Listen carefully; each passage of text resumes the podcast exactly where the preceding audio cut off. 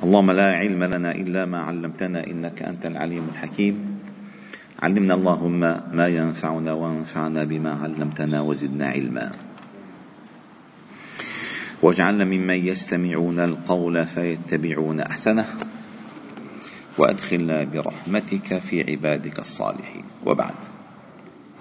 فلا نزال معكم أيها الأحباب الكرام في مجالس القرآن ضمن دروس قرآن الفجر. وقد وصلنا إلى قوله تعالى في سورة آل عمران لقد سمع الله قول الذين قالوا إن الله فقير ونحن أغنياء. سنكتب ما قالوا وقتلهم الأنبياء بغير حق ونقول ذوقوا عذاب الحريق. ذلك بما قدمت ايديكم وأن الله ليس بظلام للعبيد. هذه آية أتت بعد شوط طويل في سرد آيات غزوة أحد. وهذه تسمى في العالم العسكري سد الثغرات. يعني من أين نؤتى؟ لأن في ما سبق تعلمنا كيف نؤتى من قبل المعاصي والذنوب. الآن سنتعلم كيف نؤتى من قبل غيرنا لا بما كسبت أيدينا نحن من قبل غيرنا. ومن قبل غيرنا نؤتى نحن بتشويه القيم والثوابت عندنا وبتشويش أفكارنا وسلوكنا. وهذه أربابه اليهود. اليهود هدفهم الأساس تشويه والتشويش. لأن دين قائم على ذلك. ونحن على فترة آه، آه، آه، السلام اللي حصل مع مصر إلى الآن حصل من التشويش في أفكار المسلمين الشيء الكبير. اولا بدنا نحوله درس سياسي ولكن حيكون مدخل لفهم لماذا الله جل جلاله حذر من اليهود؟ ولماذا الله جل جلاله في سورة البقرة ذكر حوالي مئة آية عن اليهود؟ والآن في سورة آل عمران أوائلها إلى أن نصل إلى غزوة أحد كله عن النصارى. ولماذا الله تعالى ختم هذه الآيات في سورة آل عمران بالتحذير وبتوضيح ما الذي يحصل؟ ومن أين تؤتى هذه المسائل؟ فاليهود الله تعالى قال عنهم في سورة المائدة لتجدن أشد الناس عداوة للذين آمنوا اليهود والذين أشركوا. يعني إذا أن نفهم العداوة ما هي العداوة؟ من أين تأتي العداوة؟ وهي وسائل العداوة. وسائل العداوة. فلما أخذوا فلسطين أخذوها باسم التوراة هن يعني بيعتبروا هي أرض لهم الملك الله أعطاهم إياها. شلت يميني؟ إن نسيتك إن نسيتك يا أورشليم. هذه صغارهم. من فرير رجاك فرير رجاك هن بيقولوا شلت يميني؟ إن نسيتك يا أورشليم. وتسمعون تصريحات من وهلا في حاخام يهودي عامل فتوى إنه بقتل النساء والأطفال. وعندهم نص عندهم نص هن في التوراة. إيش إيش إيش دخوا رؤوس أطفالهم؟ يعني طيروا رؤوسهم. لذلك لما عملوا دعاية إنه قطشوا 40 رأس 40 طفل عم يهيئوا الرأي العام إنه لما بتشوفوا رؤوس الأطفال المسلمين مقطشة عم ننتقم لأطفالنا الكذب كذب وزور. نحن لا تقتلوا رضيعا ولا طفلا ولا امرأة ولا شيخا ولا راهبا في صومعة ولا ولا. هذه وصايا الأنبياء للمسلمين. فإذا خلصت قضية فلسطين وبلشوا بالتطبيع أي تغيير الأفكار. هذه مشكلتنا نحن معهم أنه لا ندري من أين نؤتى. نفكر إذا قلنا خيبر خيبر يا يهود. جيش ما سيف يعود سيف يعود. لا لا لا يعود الجيش الذي هزمهم في خيبر وفي بني النضير وفي بني قريظة وفي بني قينقاع. لن يعود بالأغاني والأناشيد. لن يعود. لن يعود إلا بالأعداد. وأعدوا لهم ما استطعتم. والإعداد ممنوع. يعني من المعلومات التي كثير منكم لا يعرفونها. أنه اتفاقية السلام مع مصر نصت على سحب سحب كل شيء في المناهج حتى في الأزهر مما يكشف خبث اليهود. حتى في الأزهر. يعني بني النضير بني خيبر بني قريظة لا يدرس ابدا. لأن هذا قال بيكون يخدش بالسلام. لذلك هلا الرسالة وصلت من فيلم الرسالة الحاضرين وكلكم. ما في ولا ذكر لليهود. ولا ذكر ابدا. ما في ذكر إلا لعداس النصراني من نينوى اللي كان في الطائف والنجاشي اللي كان بالحبشة إنه كان رافع صليب. أما كل أحداث المدينة مع اليهود أصلا. ولا ذكر لليهود ليش؟ وصلت الرسالة. أتطبعوا الناس إنه لا اليهود ما عملوا شيء. اليهود حاولوا اغتيال الرسول ثلاث مرات. ثلاث مرات حاولوا يقتلوا. فاذا هون الرسالة وصلت. وسترون الآن سبب نزول هذه الآية. وتفهمون لماذا الله تعالى قال لقد سمع الله قول الذين قالوا إن الله فقير ونحن طيب الله سمع وهو السميع العليم. نحن ليش ما بنسمع؟ أين آذاننا الواعية؟ أين بصائرنا أين بصائرنا الأساسية؟ وين هي؟ اختفت. ليش بدنا نعيش؟ بدنا نعيش. ف سبب نزول هذه الآية أيها الكرام قال عن ابن عباس رضي الله عنهما قال لما نزل قوله تعالى من ذا الذي يقرض الله قرضا حسنا فيضاعفه له أضعافا كثيرة. قالت اليهود يا محمد صلى الله عليه وسلم افتقر ربك فسأل عباده القرض. لأن مين بيستقرض غير الفقير؟ وبعدين آه، آه، نهانا عن الربا ويأخذوا الربا. يقولون قولا عظيما.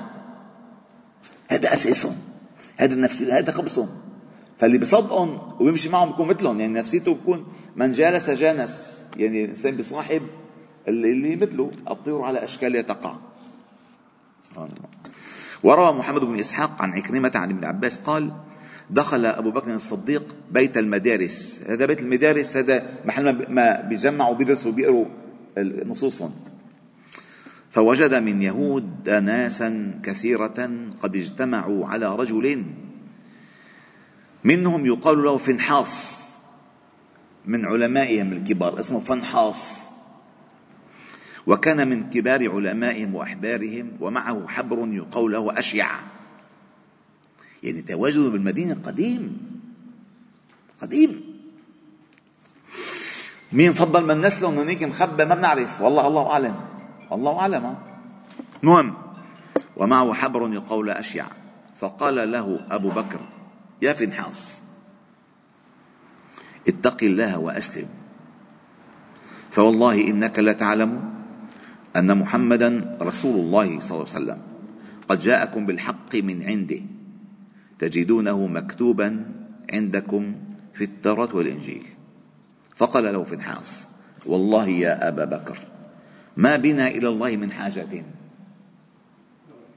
ما لنا أبدا. والله تعالى يعني هو هو في فقر وإنه إلينا لفقير. يا لطيف. ما نتضرع إليه كما يتضرع يتضرع إلينا. ونحن الأغنياء. هو بيتحبب لنا هو بيعجب لنا هذا الفنعاص هذا هذا كبيرهم لا إله إلا الله. ينهاكم عن الربا ويعطينا. ولو كان غنيا ما أعطانا الربا وما استقرض. فغضب أبو بكر وضرب وجه فنحاس ضربا شديدا. هو اللي بتستغربوه. اللي بتستغربوه أنتم. مثلا على فترة هالسنوات كلها أنه كانوا مسؤولين بيجتمعوا مع اليهود. لك ولا مرة واحد عبس بوجههم. ما يا أخي ما تضربوا كف. بس ما تعمل كأنك شايف حبيبة قلبك.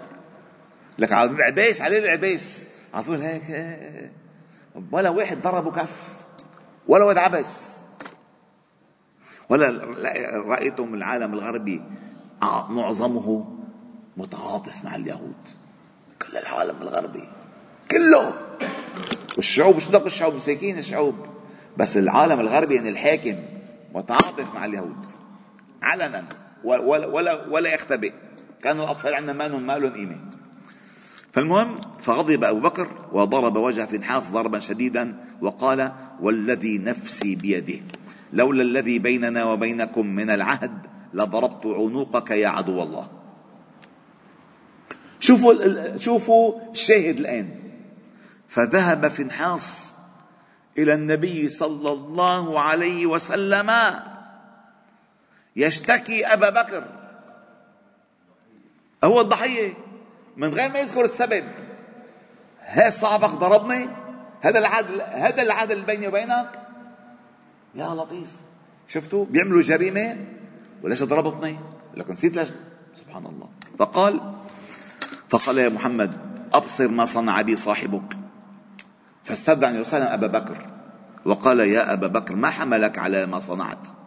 فقال يا أبا يا رسول الله إن عدو الله قال قولا عظيما. يزعم أن الله فقير وإنهم عنه أغنياء. فلما قال ذلك غضبت لله مما قال فضربت وجهه. فأنكر فانحاز ذلك قال أنا والله ما قلنا الحكي هيك نفس الشيء. ما نضربوا؟ ضربوا المستشفى المعمداني لا لا ما. أنا ضربته. أنا معي صاروخ بدل ما أضرب على اليهود ضربت عليهم ابدا. من وقتهم بيجحدوا قال فأنكر وقال والله ما قلت ذلك يا رسول يا محمد. يا لطيف. قال فأنكر فنحاس ذلك. وقال ما قلت ذلك يا محمد. فأنزل الله تعالى فيما قال فنحاس حتى ندل نحن نسمع. لقد سمع الله قول الذين قالوا مشان نحن ندل عم نسمع ماذا يقول اليهود. في مدارسهم في في مخابئهم في اجتماعاتهم هكذا يقولون. فقد قال لقد سمع الله قول الذين قالوا إن الله فقير. إلى آخر الآية. والمعنى أن الله جل جلاله سميع عليم بما يفعلون وبأحوالهم. نحن بس نحن علينا أن ننتبه. والذي ينطلق من القرآن لا يضل ولا يشقى. أما الذي ينطلق من اتفاقيات السلام ومن التطبيع ومن حوار الحضارات ومن المسخرة بده يضل ضلالا مبينا. أما القرآن قالوا ستكون النبي صلى الله عليه وسلم قال يا علي ستكون فتن عظيمه. فقال علي ما المخرج منها يا رسول الله؟ قال كتاب الله. فيه نبأ ما بينكم وحكم فيه نبأ ما قبلكم. وحكم ما بينكم وخبر ما بعدكم. هو الحق هو الفصل ليس بالهزل. من حكم به عدل. هذا القرآن الكريم. إذا ما استمسكنا بكتاب الله تعالى وقرأنا الأحداث من خلال آياته لن نفهم شيئا. والآية يقول تقول في آه، سورة الأعراف إن وليي الله الذي نزل الكتاب وهو يتولى الصالحين. لماذا الله جل جلاله جعل الكتاب في الوسط بين الولاية وبين الصلاح؟ لأن المعيار في الولاية والصلاح علاقتك بكتاب الله. إذا ما عندك علاقة بكتاب الله لا ولاية لك. إذا لا علاقة لك بكتاب الله لا صلاح لك. فالصلاح والولاية جسرها الكتاب. إن وليي الله الذي نزل الكتاب. وولى الصالحين. وقالت في آية أخرى والذين يمسكون بالكتاب وأقاموا الصلاة إنا لا نضيع أجر المصلحين. فالإصلاح ينطلق من كتاب الله والصلاح ينطلق من كتاب الله والولاية تأتي من كتاب الله. والحمد لله تعالى. سبحانه وبحمدك. نشهد أن لا إله إلا أنت. نستغفر ونتوب إليك. صلي وسلم وبارك على محمد وعلى آله وأصحابه أجمعين. والحمد لله رب العالمين.